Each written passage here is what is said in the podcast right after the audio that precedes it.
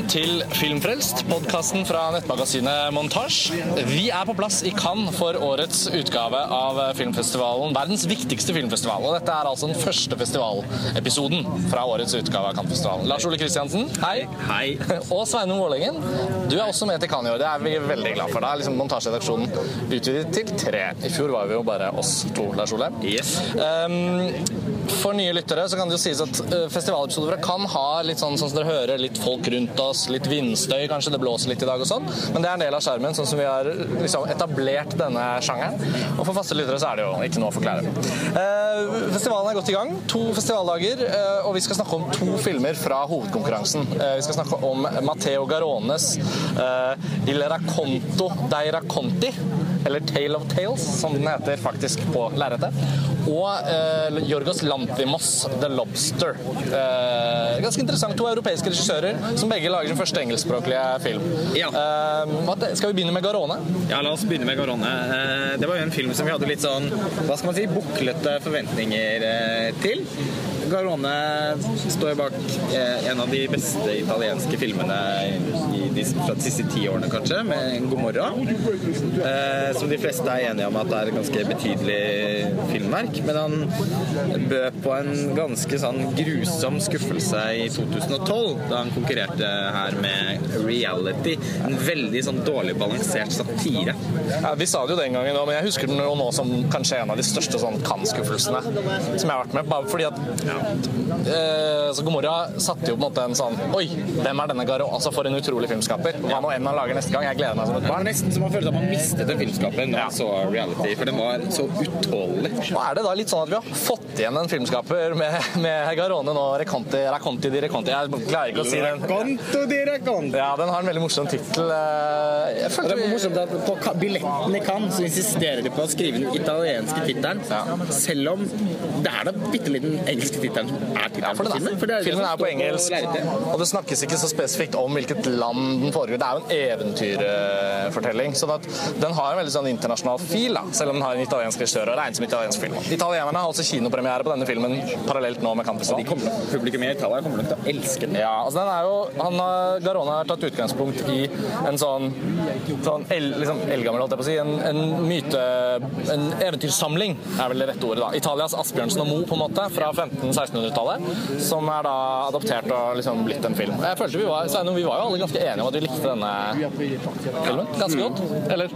Jo, absolutt. Det var eh, Ja, det var liksom et, på en måte et sånt godt gammeldags eventyr, men med veldig mange gode ideer og ja, mye sånn visuelle krumspring, samtidig som også var ganske konvensjonell i måten den liksom var fotografert på og fortalt på.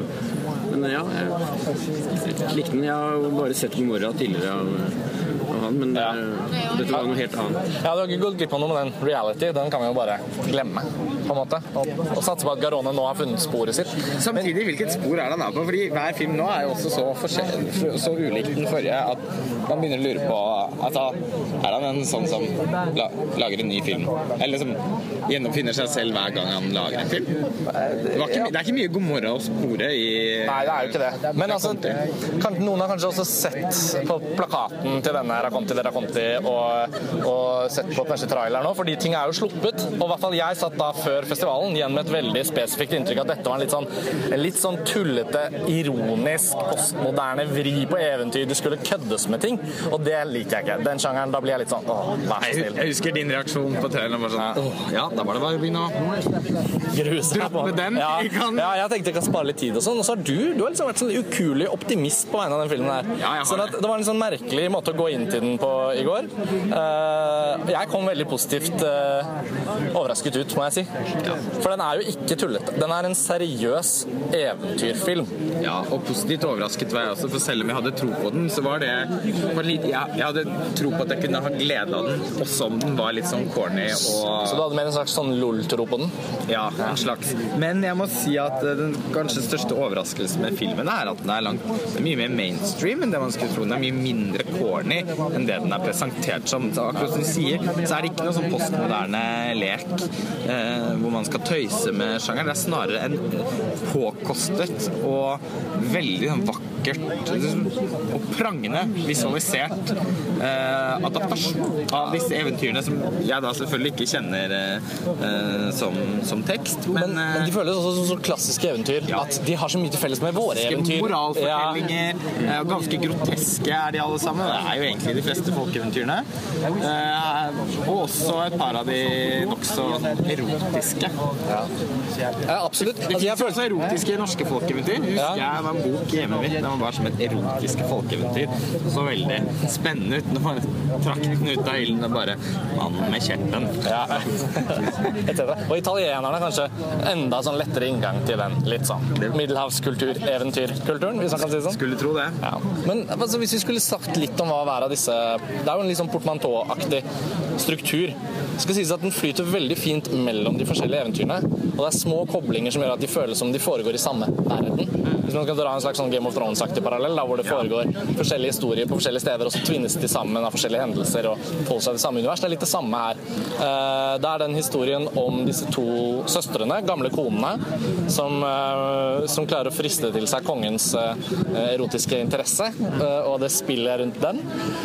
Og så var det den med de to blonde tvillingene Som blir som, født av- som blir unnfanget uh, av en, uh, en slags uh, Det er vel en jomfru, og, og så er det Salma. Dronningen vil bli Dronningen. Hun har lyst til å bli gravid. Ja, og begge de to føler vel hver sin sånn Ja. tvilling, på en måte. Og hun eh, jomfruen som føder den andre tvillingen, hun var jo med på å skape Ja, å koke barnet. sjømonsterets hjerte. For, Som var det altså, som skulle til for at Salma Eggs, Ja. eh, dronningen, eh, skulle kunne bli gravid. og dere hører på måten vi altså sånn, det, er, det er det, Dette er historiene, liksom. Det er også en fantastisk historie om en prinsesse som skal giftes bort, uh, men hennes far, kongen, er mest opptatt av å liksom ha en sånn uh, et kjele, en kjeleloppe som, han, som vokser seg veldig stor. Eh, og, og, og når han til slutt ender opp med å gifte henne bort, så er det liksom til en sånn utrolig stygg sånn ogre, sånn kjempe.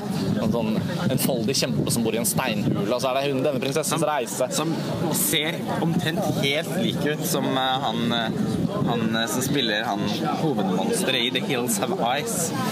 Som har et sånt, Han er ganske kjent, han skuespilleren. Jeg har glemt navnet hans. Men er det ikke litt Jeg tenker sånn, Hvis man sitter på utsiden og forestiller seg filmer som Cannes, så er det jo kanskje ikke akkurat dette vi snakker om nå. Nei, Som det er- høres ut som typiske Cannes-filmer. Eller Noe av det som var så morsomt òg, var å se det var en veldig flott visning. Ja. Eh, det er det jo som regel her. Eh, med sånn, og det er en veldig sånn fargesterk, deilig film å se på. Og, og det var som sagt det var sånn perfekt visning av filmen. Veldig godt humør blant publikum, eh, som ble godt tatt imot. Og det var i det hele tatt sånn deilig å kunne se en sånn film mm. inni Lumière. Og også liksom ja, Og i hovedkonkurransen. Ja, for det er liksom ikke en sånn Hollywood-animasjonsfilm utenfor konkurranse som vises for markedsføring. Dette er liksom, det er Garone, det er et autørverk, den er i hovedkonkurransen, men det er et klokkerent, godt gammeldags eventyr, liksom. Jeg synes det var en, en av de positive overraskelsene i filmen, var liksom det. Altså, men jeg, jeg savna litt en sånn et ordentlig inntrykk av hva han vil med denne historien. Fordi den er på en måte ikke Den er ikke så kitschy som jeg kanskje hadde håpa den skulle være. Når jeg hadde sett bildene og sånn. Ikke så liksom, drøy som sånn visuelt eventyr. Og så er det Jeg følte på en måte på en måte at han ville lage en slags allegori for et eller annet også. At disse fortellingene sammen skulle formidle en eller annen holdning til noe. Men det var, den var ikke helt det heller. Det var liksom bare et eventyr. Så jeg syns Jeg savna kanskje at den liksom løfta seg At du fikk en, enda en dimensjon. Ja. ja da, altså det, det, det, ville, bare det ville jo løftet. Det ville jo løftet filmen eh, Ja, men det hyggelig underholdning. Så den er litt over det også. Det, det, Litt over ja, det. for det syns jeg er for lite. Eller det, Ja, men jeg sa, den var liksom ikke Den gikk ikke for langt. Jeg. Den kunne vært mer grotesk og mer smakløs, syns jeg. Det, jeg- det hadde ikke gjort noe, det er helt enig. Altså, det tror jeg absolutt den hadde. Det er, ikke- det nesten så den ikke skjønner hvor godt handlingsrom den egentlig har. ja, for det er å litt ta, ta det trivelig å tenke på at den ved å, ved å ikke gjøre det, at den faktisk kan finne ganske stort publikum, tror jeg. Det er jo det merkelige. Jeg hadde tenkt før den filmen Jeg hadde jo lave forventninger, som sagt, men sånn, jeg hadde virkelig tenkt sånn Ok, dette blir en av de filmene sånn Only in Cannes. Ja. Den kommer vi aldri til å høre til eller se noe til senere. Men så er det jo litt sånn kjente navn er på engelsk, og når den holder så høy, sånn seriøs kvalitet som et eventyr, så ja, den føles virkelig som den kan komme bredt ut. da.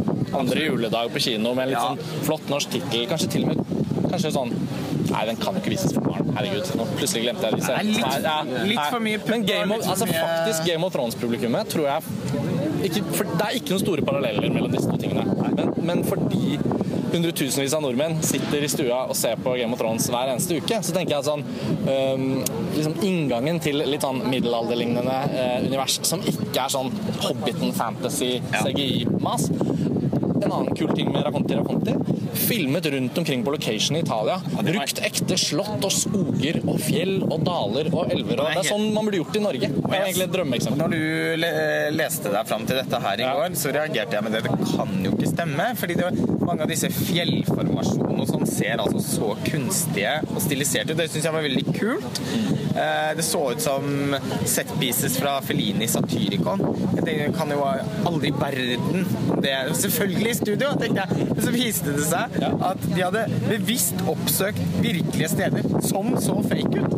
Det er jo Og, de fins jo en del av i Italia. ja, det er veldig kult, faktisk. Det er dødskult, og, og, og den kvaliteten er litt For det gjør de jo faktisk i Det skal de ha da i Game of Thrones, at de drar rundt på location, filmer oppe i Nord-Irland, Island og Kroatia, og de finner borger og sånn. Ja, det er masse studio, masse digitale effekter og sånn. Mens denne filmen her så er det jo den samme sånn, i hvert fall sånn stofflige feelingen av at eventyret faktisk hører til i et reelt univers, en verden.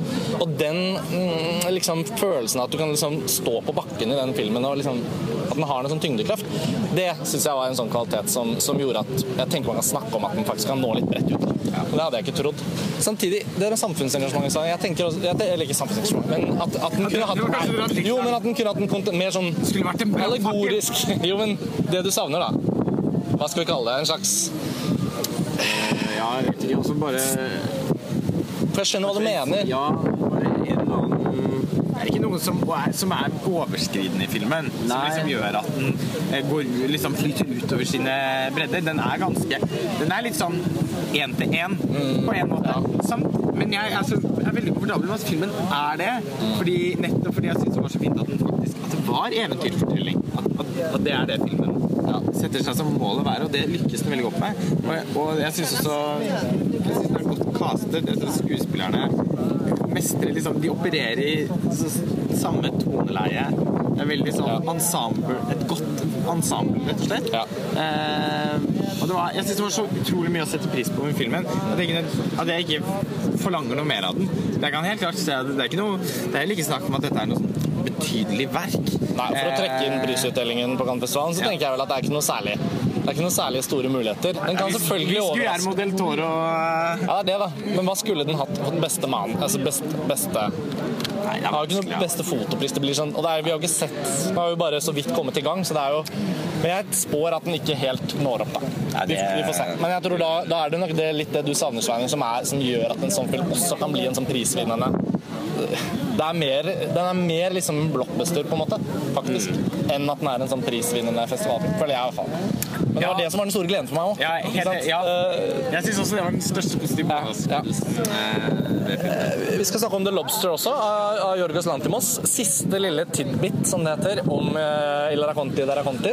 Uh, og det er uh, tilsiktet upresist uttale av den filmtittelen. Bare hvis noen. Um, Stacey Martin fra Nymphomaniac Ja. er, eh, spiller en sentral rolle. Og det var så hyggelig å se henne komme i gang med den øvrige filmkarrieren sin. Ja, og liksom Hun gjøre en rolletolkning Ja. Mm. gjorde seg bra Veldig bra. i det som jeg i hvert fall sitter igjen med som beste historien. Har mange gode historier i den eventyrfilmen. Den om de to gamle søstrene. Emma var fantastisk. Ja. Um, The Lobster av Jorgos Lantimos er jo på en måte ikke he Det er ikke en så rar bro. Det er ikke så uh, annerledes ting å, å gå over til. For her er det også et sånt allegorisk, uh, underfundig univers som på en måte tilhører eventyrenes verden. Uh, det er noen som vil prøve seg på en sånn kort sånn Hva er det denne filmen handler om? Før vi begynner å diskutere. Sveinung? Det er vel Altså, det er vel en slags sånn eh, Et slags hotell, eh, men som nesten blir en sekt, opplever jeg det som i hvert fall. Hvor det kommer mennesker som har blitt forlatt.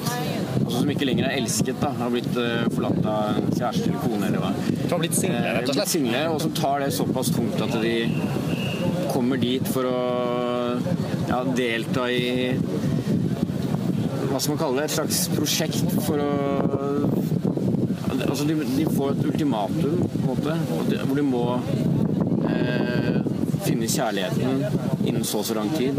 Hvis ikke blir de til et dyr. Rett og slett. Altså, Vi er jo alle dyr, er vi ikke? Lol. Ja, det, er, det, det kommer vi tilbake til, tror jeg. Altså, det at alle disse single menneskene som, som eh, Jeg føler litt at ikke de kanskje velger det i så stor grad. Jeg føler litt at de er på det, det er påbudt å bli sendt dit hvis du blir singel. Det er et slags sånn science fiction-konsept. Uten at det er en science fiction-verden, så er det litt sånn what if i fremtiden. Det er det. Eh, Det er jo faktisk en science fiction, men den er, science fiction-estetikken er så fraværende at uh, Dermed kan science fiction-elementet på en måte oppleves som underspilt. Men det det egentlig er, som jeg syns var veldig morsomt, det er at det er veldig sånn innforstått.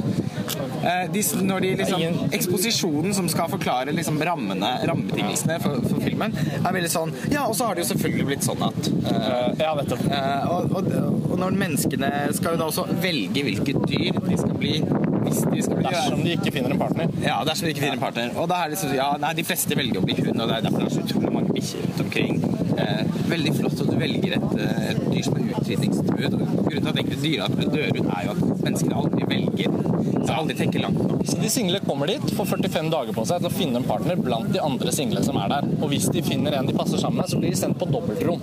Ja, Og så blir det sånn på yacht, og så kan de kanskje få komme tilbake til byen. Det er litt det- sånn, en slags sånn circle of life. Og hvis ikke du finner en partner i løpet av de 45 dagene, så uh, blir du omformet til et dyr. Og det er det du må da oppgi. Som Det du er som parseremonien på Paradise Hotel. At uh, hvis du ikke klarer å finne en partner, så må du sjekke ut. Ja, det er, eh, Men i, i denne filmen, i motsetning til Paradise Hotel, som jeg ikke har sett så mye som deg, så får man vel ikke tildelt et barn som en slags sånn hjelp hvis det går dårlig i uh, For det var- forholdet. For det, det, det hjelper jo litt til også, disse på Aldri si aldri, sier jeg. langt De som sitter med spakene i, på TV. Altså, jeg, jeg, jeg tenker at disse Paradise Hotel og andre reality-TV-skapere kan nok hente en del sånne litt sånn oppfinnsomme loller fra The Lobster. Ja, uh, men jeg tenker at filmen hadde blitt veldig styrket av hvis Georgios Lantimos hadde vist litt mer At det hadde vært litt mer synlig at han selv hadde vært fascinert av en del type arenaer som er konstruert for at mennesker skal møtes i dagens samfunn. Ikke minst da reality-programmer som f.eks. Paradise Hotel. Og disse sjekkeappene altså, som man Tinder, hører om, Tinder og forskjellig sånn. Det er jo selvfølgelig et slags sånt tematisk bakteppe for hva The Lobster egentlig handler om. Det skal jo sies at Det visuelle uttrykket i Lobster, som jeg syns er veldig flott Veldig flott. Og filmen starter veldig bra. Det sånn Å, å dette. Eh, det er eh, spilt inn på det som åpenbart er et virkelig hotell, som ligger litt sånn pittoresk til i naturen. Mye av handlingen utspilles også i en skog med liksom røm, rømninger, som har sitt eget sånn revolusjonære prosjekt på gang ute i skogen. Single røm, rømlinger som har sine egne lover og regler. Der er det ikke lov å bli sammen. Så det liksom oppstår sånn dobbelthet der. Og da er det jo veldig veldig naturlig på en måte å knytte det til dette sjekkekulturen. kulturen på noen programmer og apper og sånn. Men som eh, vi snakket om eh, rett etter visningen, så føler jeg at det er en sånn helt sånn innlysende måte å tolke denne filmen på. Nesten for opplagt. Ja. Uh, og det er min kritikk mot The Lobster, og det har vi vel kanskje blitt litt enige om òg, i oppvarmingspraten, er jo bortenfor det. Hva er det, altså, hva er det denne filmen da også, også kan by på, på en måte? Så er det Georgios Lantimos som da igjen eh, utforsker liksom grensen mellom ja, er vi egentlig dyr? Ja. Ja. Og det er ikke så veldig spennende. Og filmen eh, sitt premiss og måten den liksom presenterer seg selv på, syns jeg er mer interessant enn det det, det egentlig ender opp som. Ja, luften går litt ut av ballongen underveis. Jeg føler ikke at de har klart å fylle filmen med nok ideer til å få den til ballongen til å sveve. Da. Og Jorgos Lantimos' beste film, 'Dogtooth', den eh, blir det jo naturlig å se, se denne filmen litt i lyset. Han har bare laget fire spillefilmer til nå. Debuten 'Kinetta', 'Dogtooth', som store gjennombruddet, vant hovedprisen i Jens Eitan Legar her i Cannes. Og så kom han med 'Alps' eh, i Venezia, og nå 'The Lobster'. Første engelskspråklige. Men likevel er det en såpass begrenset filmografi at, at 'Dogtooth' blir den store liksom, lysende stjernen som det må sammenlignes med. Og det er jo en film som jeg føler at vokser innvendig, både i sin liksom eh, hardtslående, litt sånn eh, Både tematisk og litt sånn grafisk kraft. Den blir liksom drøy på en litt sånn ordentlig måte. Ja. Og så kommer filmen liksom enda større grad mer frem til hva den faktisk handler om, når den kommer til slutt. Ja. Mens denne filmen her føler jeg starter med sånn Her er alt den handler om. Ja. Og så underveis mens den liksom er en film, så er det liksom ikke noe påfyll. Nei, og det er det som jeg syns blir det største problemet til The Lobster. Er at man, man, får ikke Jeg får ikke følelse av å bli med på en reise hvor jeg kan oppdage filmen, som i Doctors, som sier, som bretter seg ut på en helt annen måte. Her er det veldig Den er på en måte egentlig sånn konseptuell og fiks. På, i, i, nest, ikke på verst tenkelige måte, fordi at filmen har mange kvaliteter. Colin Farrell er kjempegodt, riktig castet og veldig veldig god, syns jeg, i hovedrollen. Til flere av birollene, ikke minst disse to Dogtooth-jentene, eh, gjør noen veldig fine opptredener i filmen. Og, den er, og, den er, og jeg liker veldig godt måten den er visualisert på. Det at, den er så, det at man har liksom skrellet vekk alt, alle elementer som kan som, er, som, som, kan understreke at det er science fiction. Samtidig eh, så er den også samtidig veldig stilisert. Så det er sånn Jeg, jeg føler den har funnet et, et, et visuelt uttrykk som, som, er, som, er, veldig riktig for filmen. Det er fotografert av Timios Bakataki, som eh, ble en slags norgesvenn eh, etter at han, han har fotografert blind til Eskil Vogt. Ja. Eh, og gjør et virkelig flott arbeid i filmen. Det er masse bruk av slow motion. Morsomt. Ganske inspirert bruk av slow motion, syns jeg. Det var litt jomfruelige møte med eh, denne eh, godeste Jorgos Nå glapp det navnet hans, selvfølgelig. Lantimos. Lantimos. Ja, jeg har ikke sett Dogtooth heller. Um, men jeg jeg vet ikke. Jeg, jeg opplever også den filmen her som altså At det er en svakhet at den er så konseptuell. Jeg har ofte veldig problemer med filmer som lener seg på en bestemt idé og skal liksom dyrke den veldig og, og være fiks. Men jeg syns også at det var, det var, mange nok ideer i filmen eh, som man kunne hekte på en mer sånn spennende tematikk og gå litt videre med. Liksom den utbrytergruppen i skogen, f.eks. At de også De skal liksom være fri, men de har også får behov for å lage sine regler og bli, bli på en måte det samme som, som sine motstandere. og At man kunne gått videre med liksom den tematikken der, og menneskets behov for å organisere seg og, og følge visse regler og sånn. Men det er liksom alle de krokene blir liksom bare hengende, for å si det på den måten. Uten at det blir Den går ikke liksom dypt nok til at jeg blir ordentlig interessert i de ideene som legges fram i filmen. Da. Nei, for det er litt sånn at den har på en måte Det du er inne på der, jeg føler også at den har det der litt sånn kafkaiske potensialet. For det er jo to egentlig sånn undertrykkende regimer hovedpersonen Colin Farrell liksom befinner seg i. Først inne på hotellet der, og så som en del av denne utbrytergruppen i skogen. Altså sånn, han, han, kommer liksom aldri ut, ut, av det helt. Samtidig så er ikke hans rollefigur er jo heller ikke skrevet som en sånn Det er som om han har ikke den der selvbevisste Hva er det jeg befinner meg i?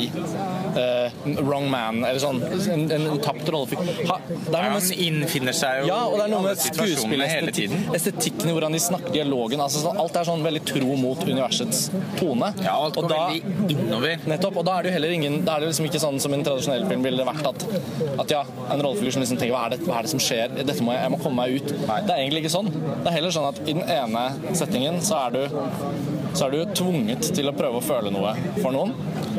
Mens i den andre så blir det sånn at du er tvunget til å undertrykke. Ja, det er på en måte litt som en sånn akvariefisk som ja. havner sånn Å, nå er det sånn. Ja, ja nettopp. Det, er ikke, det virker ikke som han gjennomgår en eller annen slags uh, rystende uh, prosess med seg selv, hvor han må uh, og, det, og, det, På en eller annen måte syns jeg det fungerte litt som Som noe litt sånn komisk. Men jeg, når det etter hvert filmen glir over og blir en slags kjærlighetshistorie mellom Colin Farrells rollefigur og Rachel Wise, som kommer inn ca. halvveis inn i filmen, eh, så, så, blir det vanskelig å altså, da, da, føles ikke historien rik nok til, eh, til at det faktisk blir virkelig interessant å følge dem. Jeg syns det var så mange lange og, og her kunne man liksom det, er der jeg føler at man ville fylt filmen med mer. Og hvis man snakker om en, eh, at, at, vi lever i en kultur som, har, som, som skaper en del underlige arenaer for, ja, for nærkontakt Hva må man være par hva, ja. Hvorfor er det så forferdelig å være singel? Altså, sånn, det er veldig ja. mas rundt det. Og, og veldig sånn og, Ja, og der, der finnes det noe interessant. Men jeg syns jo faktisk det er mer spennende å se på Martine og Pierre på Paradise Hotel eh, enn det var å følge med på disse her. Og det, ja, nå syns jeg også det er et veldig bra program, men det, det sier jo på en måte sitt. At eh, jeg følte ikke at det, er noen lag som mangler, også i karaktertegningen, eh, rett og slett. Jeg, blir, det er ikke akkurat sånn at man føler at man blir sånn invitert inn. Er, Karakterene er jo veldig apatiske. Veldig. Også, og jeg fikk ikke helt klarhet i om det bare var et sånt stilistisk grep, eller om det skulle være fordi at de var så traumatiserte etter dette bruddet de kom ut fra og ble forlatt, og, så, og at dette er på en måte sånn søken i desperasjon. De blir med på prosjektet på. Det oppstod, ja. ja, en sånn sammenligning hos meg rett etter filmen. Jeg tenkte sånn Den filmen som jeg kanskje tenkte på først, var Francois Truffaut's 451 Fahrenheit. Som også er sånn, sånn en science fiction i vår verden, med et veldig sånn konsept sånn Bøker er forbudt. Ja, Og så hvordan blir det, liksom? Og frem til sluttscenen hvor de liksom alle husker hver sin. Det er veldig er sånn analog science fiction. ja, nettopp. Og den syns jeg The Lobster det er litt sånn, i den samme, eller sånn Uten sammenligning for øvrig, så er det litt det samme. Uh, og det uh, Truffaut, den historien, uh, den var jo basert på en roman, og der var det jo liksom et mer sånn vel, velprøvd fortellerkonsept. Da, selvfølgelig. Den har på en måte, Der brenner det bokstavelig talt en flamme i rollefigurene. Det er noe sånn, Du føler deg veldig sånn at det står på kulturen og livet og liksom sånn. Og det apatiske Jeg tror det er stilistisk, som du sier, Sveinung. Altså sånn, det valget Lantimos gjør her, er selvfølgelig så ekstremt sånn Det er det han skal. Den bryter jo aldri med det. Så sånn sett så må på en måte filmen bare liksom ses som det. Men det utelukker i hvert fall for meg en større emosjonell tilknytning. Og når han vrir det til å bli en kjærlighetshistorie, så er, da må liksom det funke. Og det, Ja. og det er jeg enig i at det ikke gjør i like stor grad som det burde. Nei, og den funker ikke pga. de stiliserende grepene. Nettopp. Samtidig, hvis den da hadde hatt Hvis den kjærlighetshistorien hadde hatt en, en, et, en tematisk dimensjon, da, som, var, som var mer spennende, og som, som var mer relaterbar til nettopp medievirkeligheten og, og alle de tingene som man føler at filmen tar opp i seg, bare på en veldig vag måte, så, så kunne det fungert veldig mye bedre. Og filmen er også Altså, er den 1 time og 58 minutter? Ja, da er de lengre. Dette er jo en merkelig Cannes-utgave, fordi den lengste filmen av alt i alle de offisielle programmene er vel den til My Venn. Og Roi. På to timer og ti, eller to timer og 15 eller sånt. det 11, tror jeg det var. Ja, 11, ja. Ikke sant? Så, det, så sånn sett er det ikke sånn at vi utsetter oss for noen sånne enorme prøvelser i år. Bortsett fra da det som forhåpentligvis blir visningen av Miguel Gomez uh, Arabian Nights. Men den er riktignok da delt opp i tre. Så istedenfor å være den sekstimersfilmen vi håpet det skulle bli liksom Ja, de vi er litt skuffet over det. Da. ja, så da må man se den i biter og deler, og da, da blir det liksom tre filmer. Så det blir liksom ikke helt sånn. Men, men. Ok, vi er kanskje i mål med The Lobster, og i mål med første episoden fra årets Cannes-festival. Vi har Eh, kokt The Lobster, og nå er ja, den er rød. kokt i, i Paradise Hotel-saft, og Lars Ole mener at eh, reality-sannhetene i sin, all sin groteskhet kommer bedre ut enn Lantimos intellektuelle versjon av det samme. Ja, det, takk for en veldig presis oppsummering. Bare hyggelig. Eh, Det blir da en serie med festivalepisoder eh, her på Filmfrelst fra årets Cannes-festival. Det er mye spennende som står på programmet, og vi setter pris på at dere hører på og følger med. Um, Det var det. Nå skal vi inn på en ny film. Ha det bra. Ha det bra.